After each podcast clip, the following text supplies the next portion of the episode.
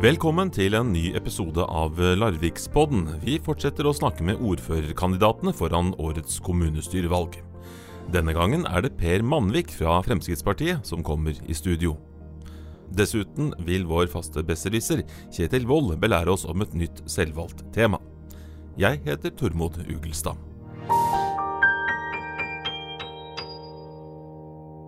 Ja, jeg heter jo Per Manvik og representerer Fremskrittspartiet. Jeg er eh, gruppeleder i det partiet, da.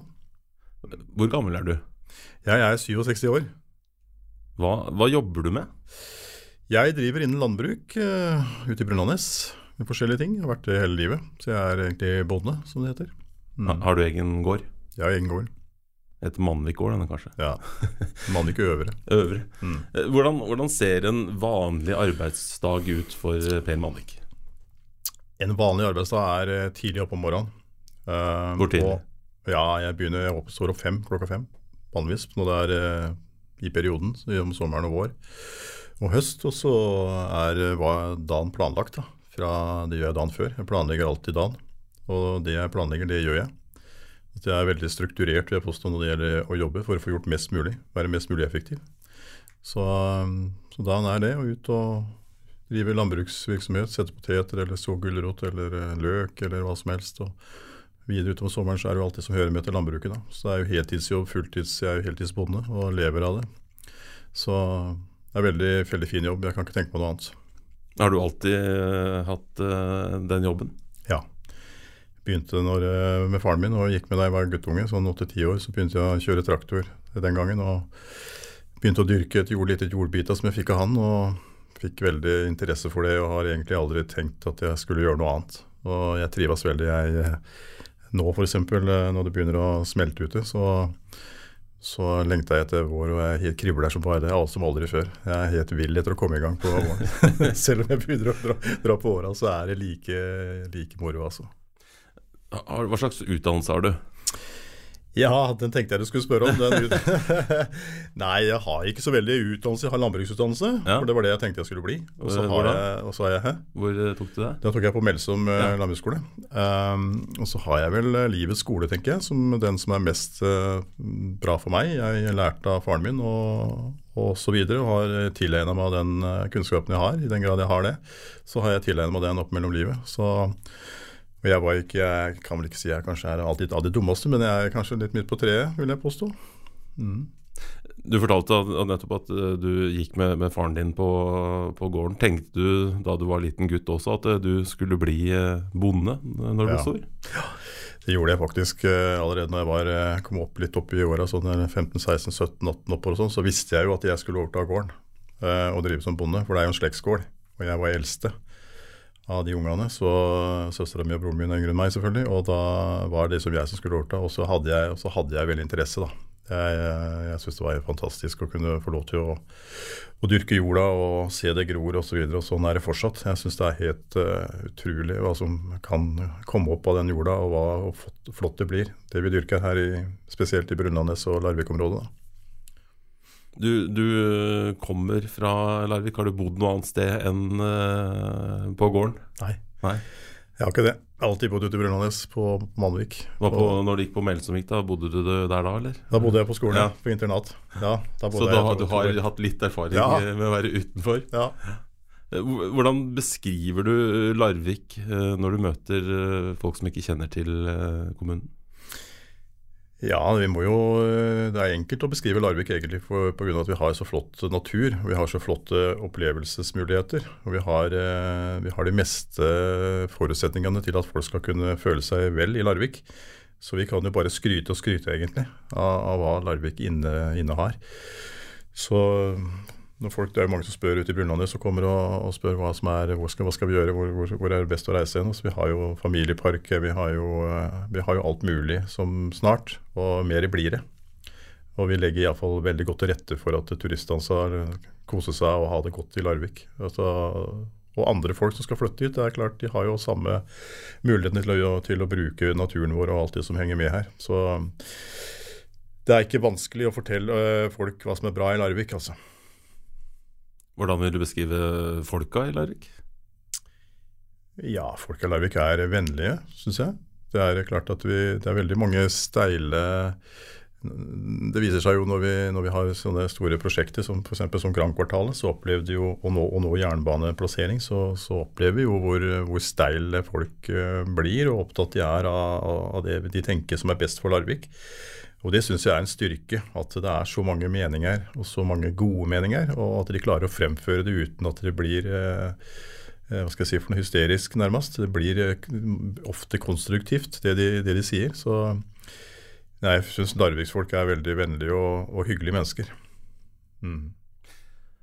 Hvordan, eh, hva syns du er den største forskjellen på uh, Larvik uh, før og nå? Altså, altså, jeg vet ikke hvor lang tid vi skal gå tilbake. Du kjenner jo Larvik gjennom et helt, helt liv. Men skal vi si før industrien forsvant? da? Ja, før industrien forsvant. det. er klart at Hvis vi tenker tilbake på hvordan det var å være landbruk da, og drive bonde i Larvik før, hvis jeg tenker på det jeg egentlig kan litt om, så er det klart at den gangen så var det bl.a. torv i Larvik. Det var jo da brukt som et torv, sånn som det skulle vært. At folk kom inn med, kom inn med slaktevare, slakte, slakte, slakt inn der. Og sto der og solgte flesk rett fra kassekjerrer og, og lemvogner.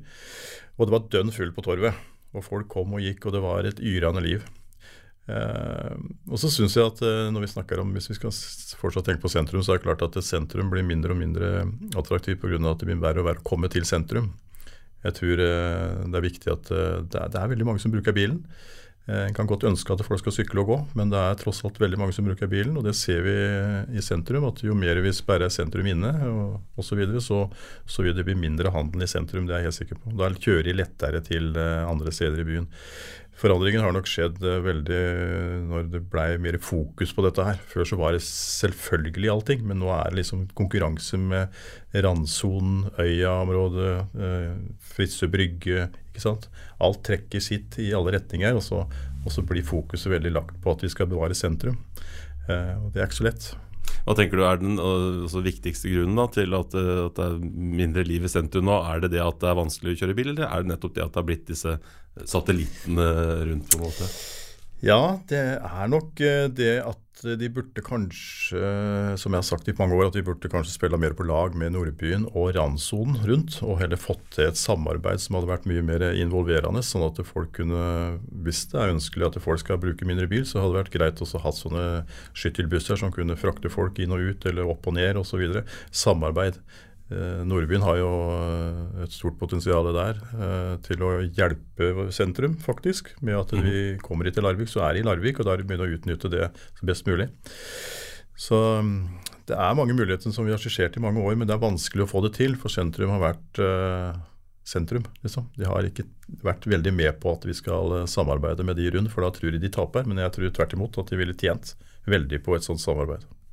Hvordan eh, var, eh, var, Larvik sentrum for deg da, da, du var ung? da? Altså, Dro du inn til Larvik sentrum da, eller var det Stavern eller andre ting som var mer eh, nærliggende da, å dra til? Det var jo når, Før jeg fikk sertifikat, da, så, var ja. jo, så var det jo Stavern. Da var det jo den Tatiana som vi hadde den gangen. Den er jo fortsatt. De var jo nedpå der og tok noen øl der innimellom. Også når vi begynte å kjøre bil, så var jo sentrum et helt annet. For da hadde vi jo um, om lørdag, fredag, lørdag og søndag så kjørte vi jo rundt i byen. Og da var det å kunne kjøre overalt. Ned eh, Kongegata, opp og rundt torv og inn på torv og parkere på torvet. Og de sto der masse biler og prata sammen og tuta og kjørte og spant og opp og ned rundt forbi. Det var liksom et voldsomt liv. Det er det slutt på nå. Og det er vel kanskje bra òg. Det var litt uh, Gikk litt vilt for seg innimellom. det er vel fortsatt noen som står opp på, på Nordbyen på den måten uh, ja, det er vel, ja. i våre dager. Ja, ja, sikkert. Så du kunne vel følt deg hjemme der hvis du kjørte opp der en, ja, jeg kan, fredagskveld? Ja, det kunne jeg godt gjort. Det var moro det der, altså. Men, men uh, når ble du interessert i, politikk? Ja, det er veldig enkelt å forklare. fordi at når det starta etter 88, eh, som det ble i Frp. Og um, jeg ble da spurt av Knut Anvik, som er, i, som er eh, i Frp, den gangen om jeg kunne stille opp i landbruksnemnda for, for Frp. Mm -hmm. jeg, jeg, var i, egentlig i Høyre litt, bare innom og, og gikk på gruppemøter og sånn, men så skulle jeg ha en mann i Høyre, eller i landbruksnemnda, og så sa jeg at den kunne jeg tenkt meg. Og så fikk jeg ikke den i Høyre. Og så kom eh, Knut og sa kan ikke du ta den jobben for oss, vi har også en plass der. Og sånn, sånn begynte det i politikken. Og så ble jeg stående på lista, og så ble jeg til slutt valgt inn og ble vara første perioden. Satt to år, to år først uh, som vara, og så ble jeg medlem de to siste åra for en som flytta ut. Og så siden har, uh, har det vært sånn. Så det er veldig lenge siden.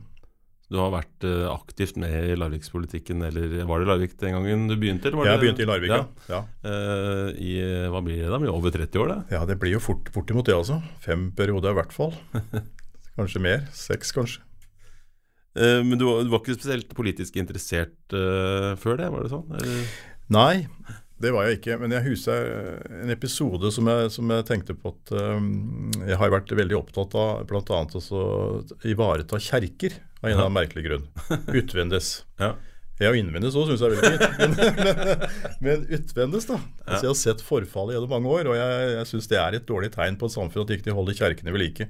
Og da har jeg konsentrert meg om Berg trekjerke. da, Det er ute hos meg der, som ligger rett ved siden av meg. Ja, På Berg så har du vel tre kirker ganske Ja, bort på Sønder så har de jo Berg arbeidskirke som ja. kommer etterpå. Men så har jo bort på Berg, som det heter, der heter det jo Berg, det er gjort hos eh, tvers overfor meg der, så har vi den gamle steinkjerka, og så har vi den hvite. Ja.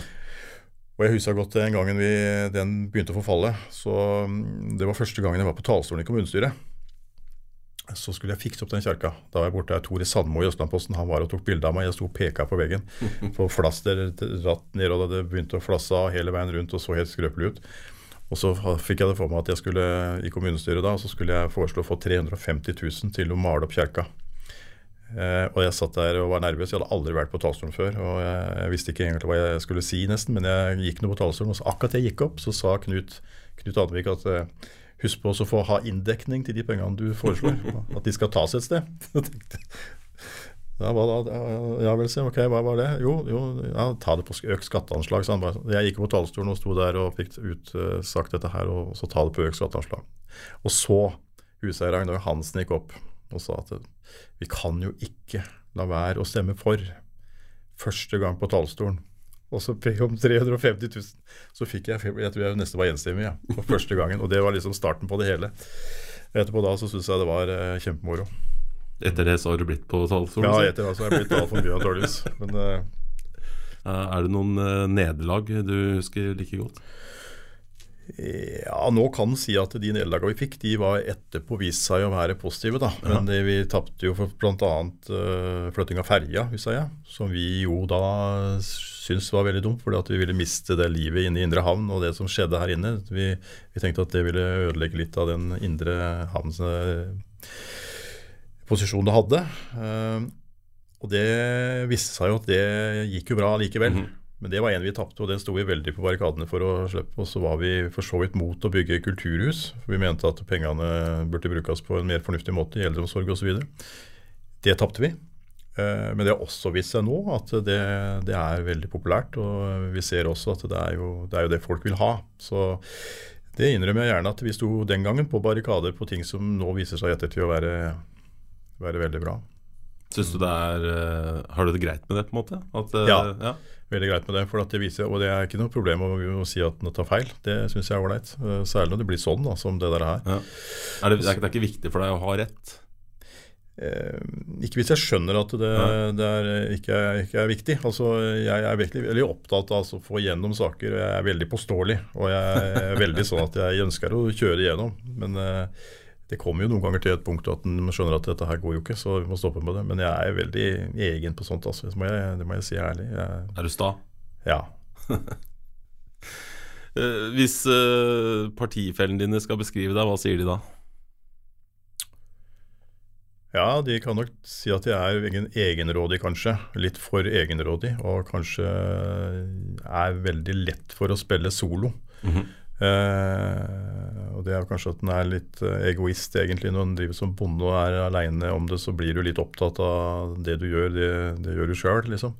Eh, men de siste åra så har jeg hørt at jeg har blitt betydelig bedre, og det, det, det, det legger jeg an på da. Mm -hmm. Og så involvere flere i det. Og det, har jeg aldri vært god på. Men jeg er eh, kommet bedre og bedre etter hvert som politikken har vært, så, så blir en mer og mer nødt til det. For det er mange flinke mennesker som, som en skal delegere oppgaver til.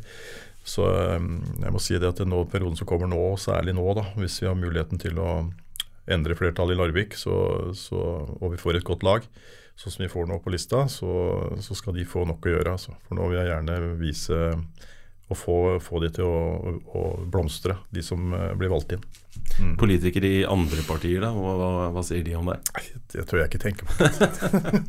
Må nesten spørre de. Nei, Noen syns jeg vil er ålreit, noen syns jeg er helt eh, ikke ålreit. Det er jeg helt sikker på.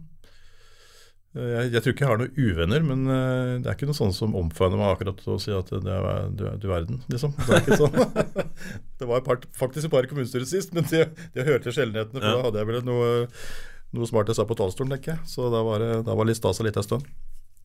Men jeg lever godt med det. altså. Jeg, jeg respekterer alle mennesker åssen de er. og jeg, vi, er jo, vi er jo alle er jo venner i dette her systemet her. Så ja. det kan se ut som vi er uvenner noen ganger, men det er vi jo ikke. Nei, for, at, for, for, for en som sitter utenfor da, og følger med på det dere snakker om i kommunestyresalen f.eks., så, mm. så må jeg innrømme at jeg, jeg syns det kan virke veldig som dere har en veldig skarp tone eh, ja. dere imellom. Hva tenker du om, om det ordskiftet dere har der?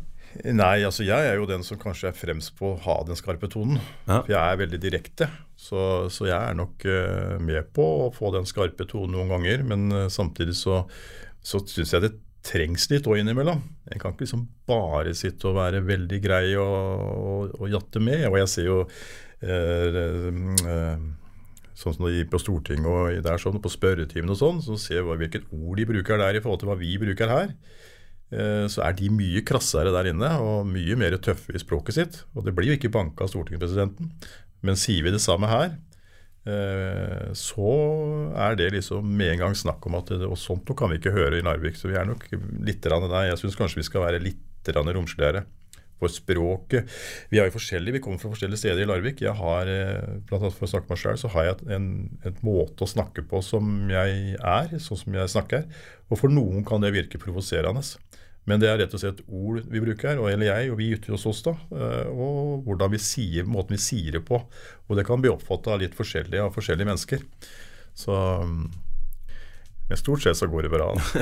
Tror du at du har eh, endra deg i løpet av eh, de 30 årene? Altså Har du blitt mildere, eller har du blitt hardere i klypa? Ja, nei, jeg har nok kanskje endra Og det har jeg jo. Jeg har endra meg. Jeg er ikke så egoist som jeg var i starten. det, er, det, det, tror jeg, og det legger jeg alt inn på. Uh, og prøve også å være, være mer om, omgjengelig, for å si det sånn, og ikke være så sta som jeg har vært før. Så um, en uh, lærer jo etter hvert. da. Det tar tid, da. Selv for meg, tydeligvis. Har du, har du noen gang vært så skarp at du har tenkt etterpå at Uh, at du nesten burde be om unnskyldning? Ja, ja. og jeg gjør det jo noen ganger. Hvis jeg føler at jeg har, hvis jeg tror jeg har såra noen. Det liker jeg ikke, altså. Det går ikke. Så da, da blir jeg, det blir veldig gærent. Hvis jeg ser at de tar, tar seg nær av det, og liksom de tenker at oi, ble det sånn, liksom. Da, det, det hender at jeg det er mange ganger jeg har ringt og sagt at jeg beklager at det ble sånn. Og det blir godt mottatt, eller? Ja, det gjør det stort sett. Mm. Er det noen som har sagt unnskyld til deg noen gang? Ja, det har også hendt, faktisk. Men tror du at du tåler eh, mer også, siden du er flink? Jeg tåler veldig mye.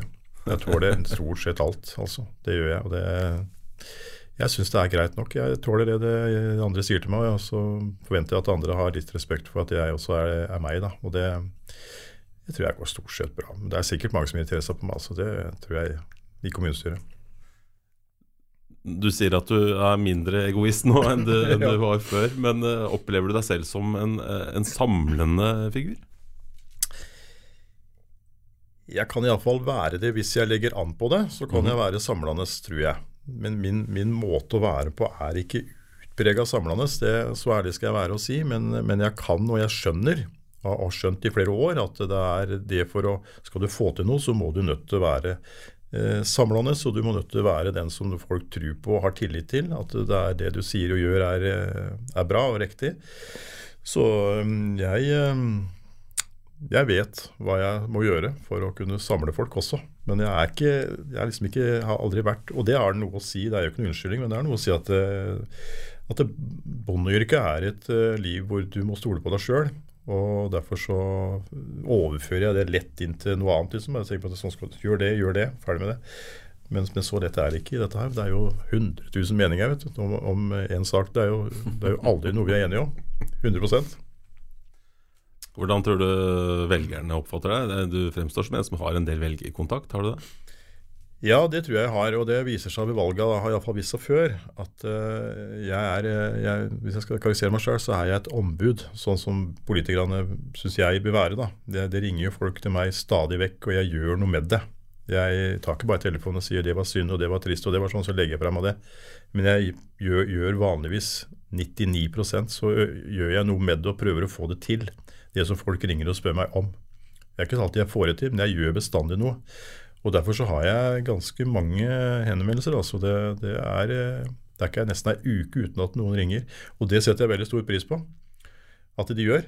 Eh, og det er, det er alle, alle, lag. altså det, er, det, kan være helt fra skole, noen som blir mobba på skolen, som hvor ringer en forelder. Eller det kan være noen som er dysletisk, og det kan ringe og spørre hva, hva gjør vi nå? Liksom, og, det, og så er det eh, næringsliv og, og, alt mulig rart. Folk skal bygge bygning. ikke sant? Det er jo veldig interessert i plan- og bygningssystemet. Jeg har sittet der i alle år oppe i planutvalget og i, i, det systemet, og jeg interesserer meg veldig for det.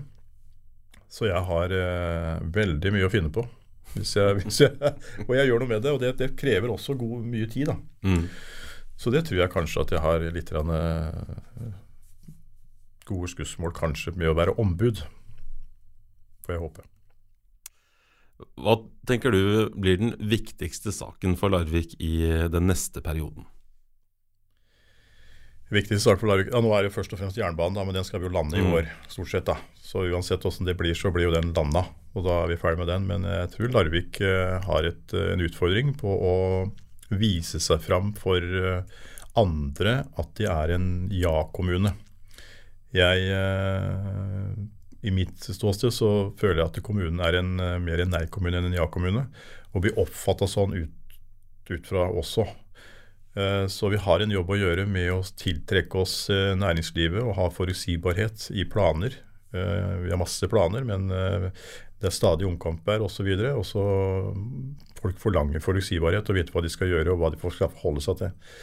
Så vi har en kjempejobb å gjøre der med å, med å regne hva skal jeg si, eh, klare å vaske dette systemet sånn at det blir eh, framoverlent.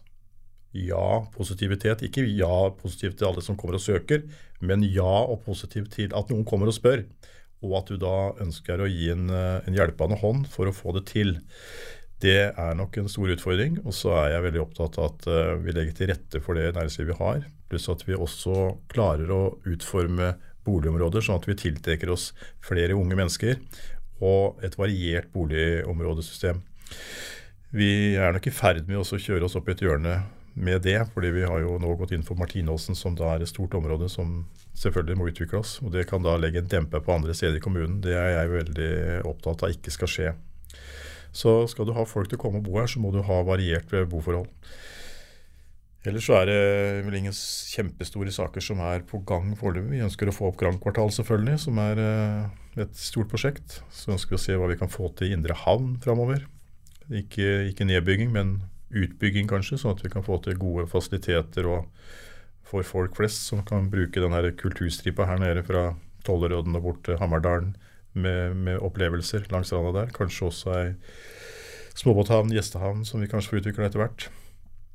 Mange ting vi kan få til Larvik, altså, og derfor så er jeg veldig Nå håper jeg inderlig at vi får et uh, skifte i kommunen, for jeg er ikke jeg er en, uh, Hvis jeg skal karakterisere meg selv, så er jeg nødt til å ha noe som jeg vet jeg får gjort, som jeg, jeg kan få gjort. Nå sitter vi i opposisjon, og vi er helt avhengig av å få de andre til å høre på oss, hva vi sier. Og det hender en gang iblant, men stort sett så har jo de sitt system.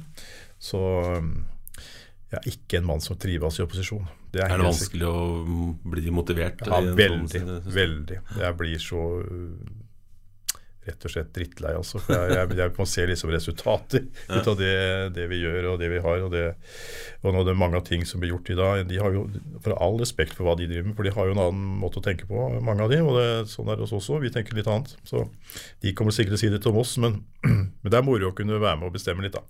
Hvilken sak tror du folk flest kommer til å snakke om i august-september? Altså, hva, kom, hva, tror du folk kommer til å tenke på som den viktigste valgsaken? Har du noen tanker om det? Nei, Det burde jo vært, når vi får landa denne eh, stasjonen og dette her, så burde det jo vært eldre. Hva gjør vi framover med eldreomsorgen i kommunen? Ja.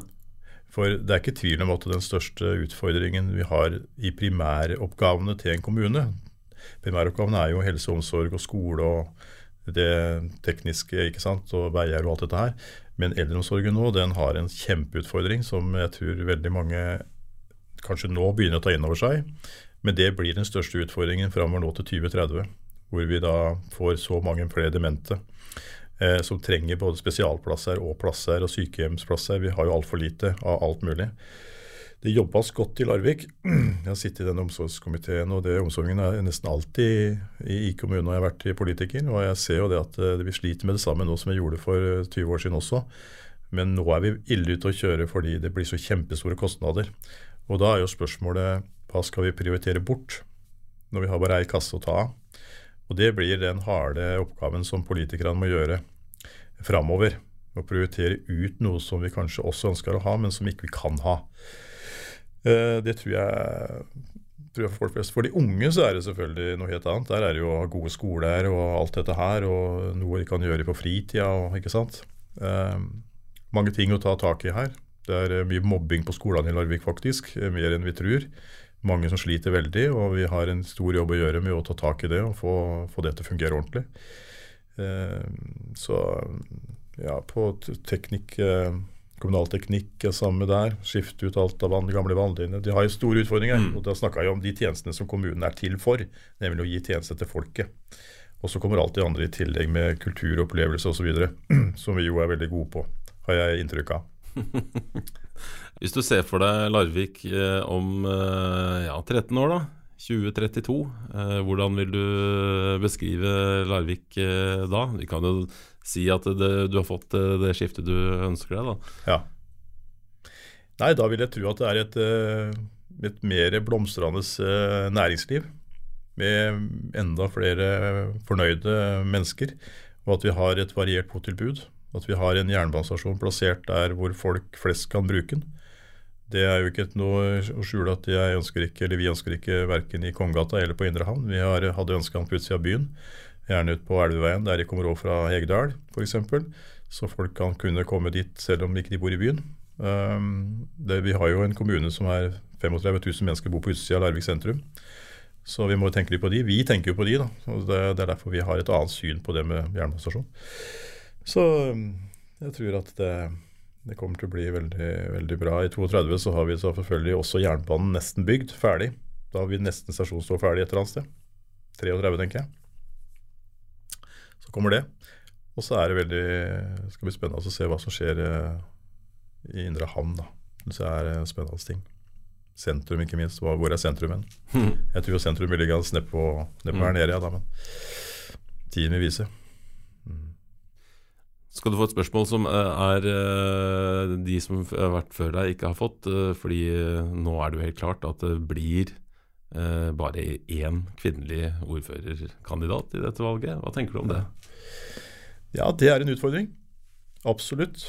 Vi hadde jo det i forrige periode, så hadde vi kvinnelig Megina Johnsen som var da. og vi nådde ikke opp da. og det er klart at det, det, det Hvorfor det er sånn, er jo selvfølgelig at at uh, det er vanskeligere og vanskeligere for folk å kunne gå inn i politikken.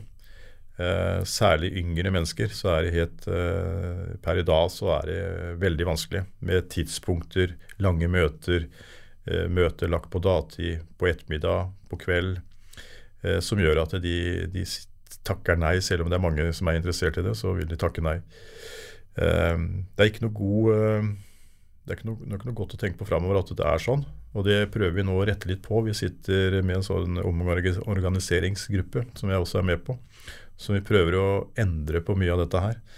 Gå over til hovedutvalg, som vi sier, istedenfor uh, komité, som da kan uh, er, uh, De kan da gjøre vedtak, ikke sant, istedenfor å ta det til kommunestyret. Det vil gjøre at kommunestyret får kortere møter. Ikke syv-åtte timer som nå, men kanskje en to-tre. Formannskapet blir også pella litt vekk fra, sånn at det blir kortere med møte der. Så prøver vi å legge det til sånn at folk flest skal kunne gå inn i politikk uten å forsake for mye. Eh, men det er ikke noe god, god, trend, det der. altså. Og vi sliter jo veldig med å få kvinner på listene våre. Vi jobber jo helt febrilsk nominasjonskomiteene for å få det til, og det gjelder samtlige partier. Og ikke minst unge mennesker er jo ikke der, hvis du ser på listene i dag. Mm. Det er jo, Du må jo ta inn de gamle gutta igjen. Er, noen er jo over 80 og, og, mange og 70 oppover. De, Mm. de står på lista nå. Selv i Arbeiderpartiet, som, som, som har såpass stor eh, skare som kunne vært der, så er det, det, det viser litt hvor vanskelig det er. altså. Og så er det det å gjøre det attraktivt da, å være politiker. Det, har, eh, det, er, og det, det er viktig å, å legge til rette sånn at det blir enklest mulig, og at det også gis noe igjen i i økonomi. Dette er ikke, det er ikke bare hobby dette her lenger. altså Vi bruker enormt masse tid. Så det må liksom finne seg at det koster noe å ha politikere som er engasjerte. Og det får du nå mer med at vi går over til hovedutvalg, så vil du få mye mer engasjerte politikere. For de gjør vedtak i de hovedutvalga. Så um, vi prøver å bedre på det. Men det er jo ikke det er for seint for denne Mm. perioden, da.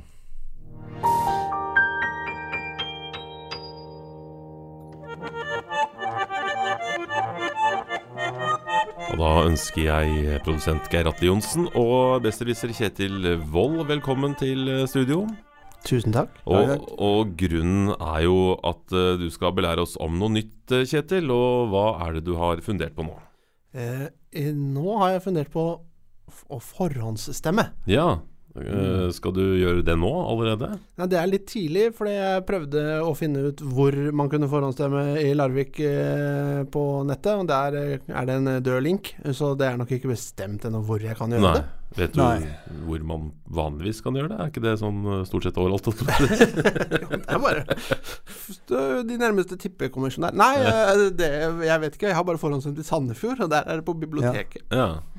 Men hvor lang tid i forveien kan man eh, forhåndsstemme? Det er seks uker før valgdagen, Ja. og i år så betyr det at det er fra 10. august. 10. august. Mm. Og så er det da til og med 8. september. Ja, så hvis det er noen som har lyst til å gjøre noe av det nå, så er det for tidlig. Ja, men de kan jo begynne å tenke på hva de skal stemme, da. Ja. Det er jo mye Mm. som kan gjøres før, før, du går, før du bestemmer deg. Men siden vi har eh, lyttere flere steder i verden, faktisk, så eh, gjelder det også hvis du bor i Australia. Altså gjelder de seks ukene du Ja. går på ambassaden eller der du går Uh... Det er helt uh, korrekt. Og, det, og der er det sånn at det er velgeren sjøl som er ansvarlig for at stemmen kommer fram til valgdagen.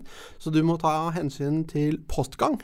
Så Australia det, Jeg vet ikke hvor lang tid Hvor lang postgang det er fra Australia. Men det, Ja, det kommer litt an på hvem det er. Hvis det f.eks. er Post Nord som skal Ja. trakte stemmen her i, i Norge, så kan det Ja. ta ganske lang tid. Ja, Men, du må ta eh, høyde for at Post Nord skal ha fingrene borti der òg, så det er kanskje greit å begynne nå. Ja. Den eh, går ikke på samme båten som linjeakevitten. Eh, Det er, er jeg faktisk ikke sikker på, for jeg tror ikke linjeakevitten stemmer helt. Men hva hvis man stemmer Altså det ikke stemmer det man skal stemme, alt på å si? da Altså hvis man ombestemmer seg, Ja. hva skjer da? Nei, det er, det er kjørt. Er det kjørt? Ja. Eh, før så hadde man jo Eller man hadde en sånn prøveperiode med elektronisk stemming, og da kunne man ombestemme seg, hvis ikke jeg husker feil. Men Ja. forhåndsstemme sånn som det er nå, så kan du ikke ombestemme det. Kan du, er det noen måte man kan få liksom, stoppa den stemmeseddelen, sånn at man får forhindra det? Ikke på lovlig vis. Så, så, for, så en forhåndsstemme er ikke lik prøvestemme. Nei, det er ikke, dessverre. Det er ikke sånn prøvevalg heller. Så Nei, det er eh, Du har ikke noen mulighet eh, til å, til å ombestemme deg. Det, en annen ting jeg lurer på. Hvis man ikke kommer seg fra hjemmet sitt eller der man er, til eh, et stemmelokale, mm. hva da? Da, da, da er det faktisk sånn at da kommer det noen hjem til deg med en stemmeurne. Er det sant? Ja, jeg tror ikke det er sånn Det er ikke sånn Foodora sånn at det, det, det er et sånn åpent tilbud. Men, Men, eh, Kommer det med sånn avlukk òg, eller? ja, det håper jeg at de har med seg et par gardiner og Kommer Aladdin opp og henter stemmen? Ja, det håper Nei, eh, det, da, da kommer noen hjem til deg med en stemmeurne. Eh, Du kan kontakte Valgstyret, tenker jeg. Valgstyret heter det, ja, selvfølgelig. Eh, da kontakter du de og sier fra og forteller grunnen til at ikke du kommer av gårde. Du må Jeg vet ikke det her veldig godt, men jeg tipper du må ha en litt bedre grunn enn at du er fyllesyk, f.eks. sånn at Ja, Og så må du ha Det må, må være du ha helseattest, eller eh, det, det, Jeg går ut fra at det er, det er rom for skjønn. Men når de kommer hjem til deg, gjør de det på valgdagen også? Nei. Nei, Det det, er bare på forhånd. ja. Så da må du vite at, eh, at du ikke kan eh, komme på valgdagen. Altså, da bør det være noe som er såpass alvorlig at du skjønner at dette her kommer til å vare en stund. Ja. Altså, Mm. da, det er jo kanskje et godt argument for å forhåndsstemme, da. For da har du i hvert fall det gjort tilfelle du skulle falle om på valgdagen. Ja, men hvordan er det forresten, vet du det? Hvis man, eh, hvis man har forhåndsstemt, og så faller man om, da? Og dør? Nei, altså Er man- den stemmen gyldig da? Ja, det må den jo være. For du, med, du, kan, du kan jo til og med stille til valg når du er død. da går jeg ut fra at du kan velge også. Så, Så hvis man føler seg litt pjusk, så er jo da det et godt, uh, en god anledning til å få, få sin stemme til å gjelde også etter sin bortgang. Ja, men da har man et stort Da tar man et stort samfunnsansvar. tenker jeg, For jeg hadde nok ikke Ja. giddet å tenke så mye på det. Men sånn rekkefølgemessig så er det kanskje uh, først skriv testamentet, så stemme. Og alt dette her er du helt sikkert på, Kjetil. Altså, jeg har hørt av en som eh, var ganske sikker og framsto som eh, troverdig. Mm, og hvis han er uenig i din fremstilling, så hører vi gjerne fra han. Ja. Det var det vi hadde i denne Larvikspodden. Følg oss på Facebook, finn Larvikspodden i din podkastapp, eller på larvikspodden.no. Ansvarlig for podkasten er Geir Atle Johnsen, og podkasten produseres av Virvel. Jeg heter Tormod Uglestad.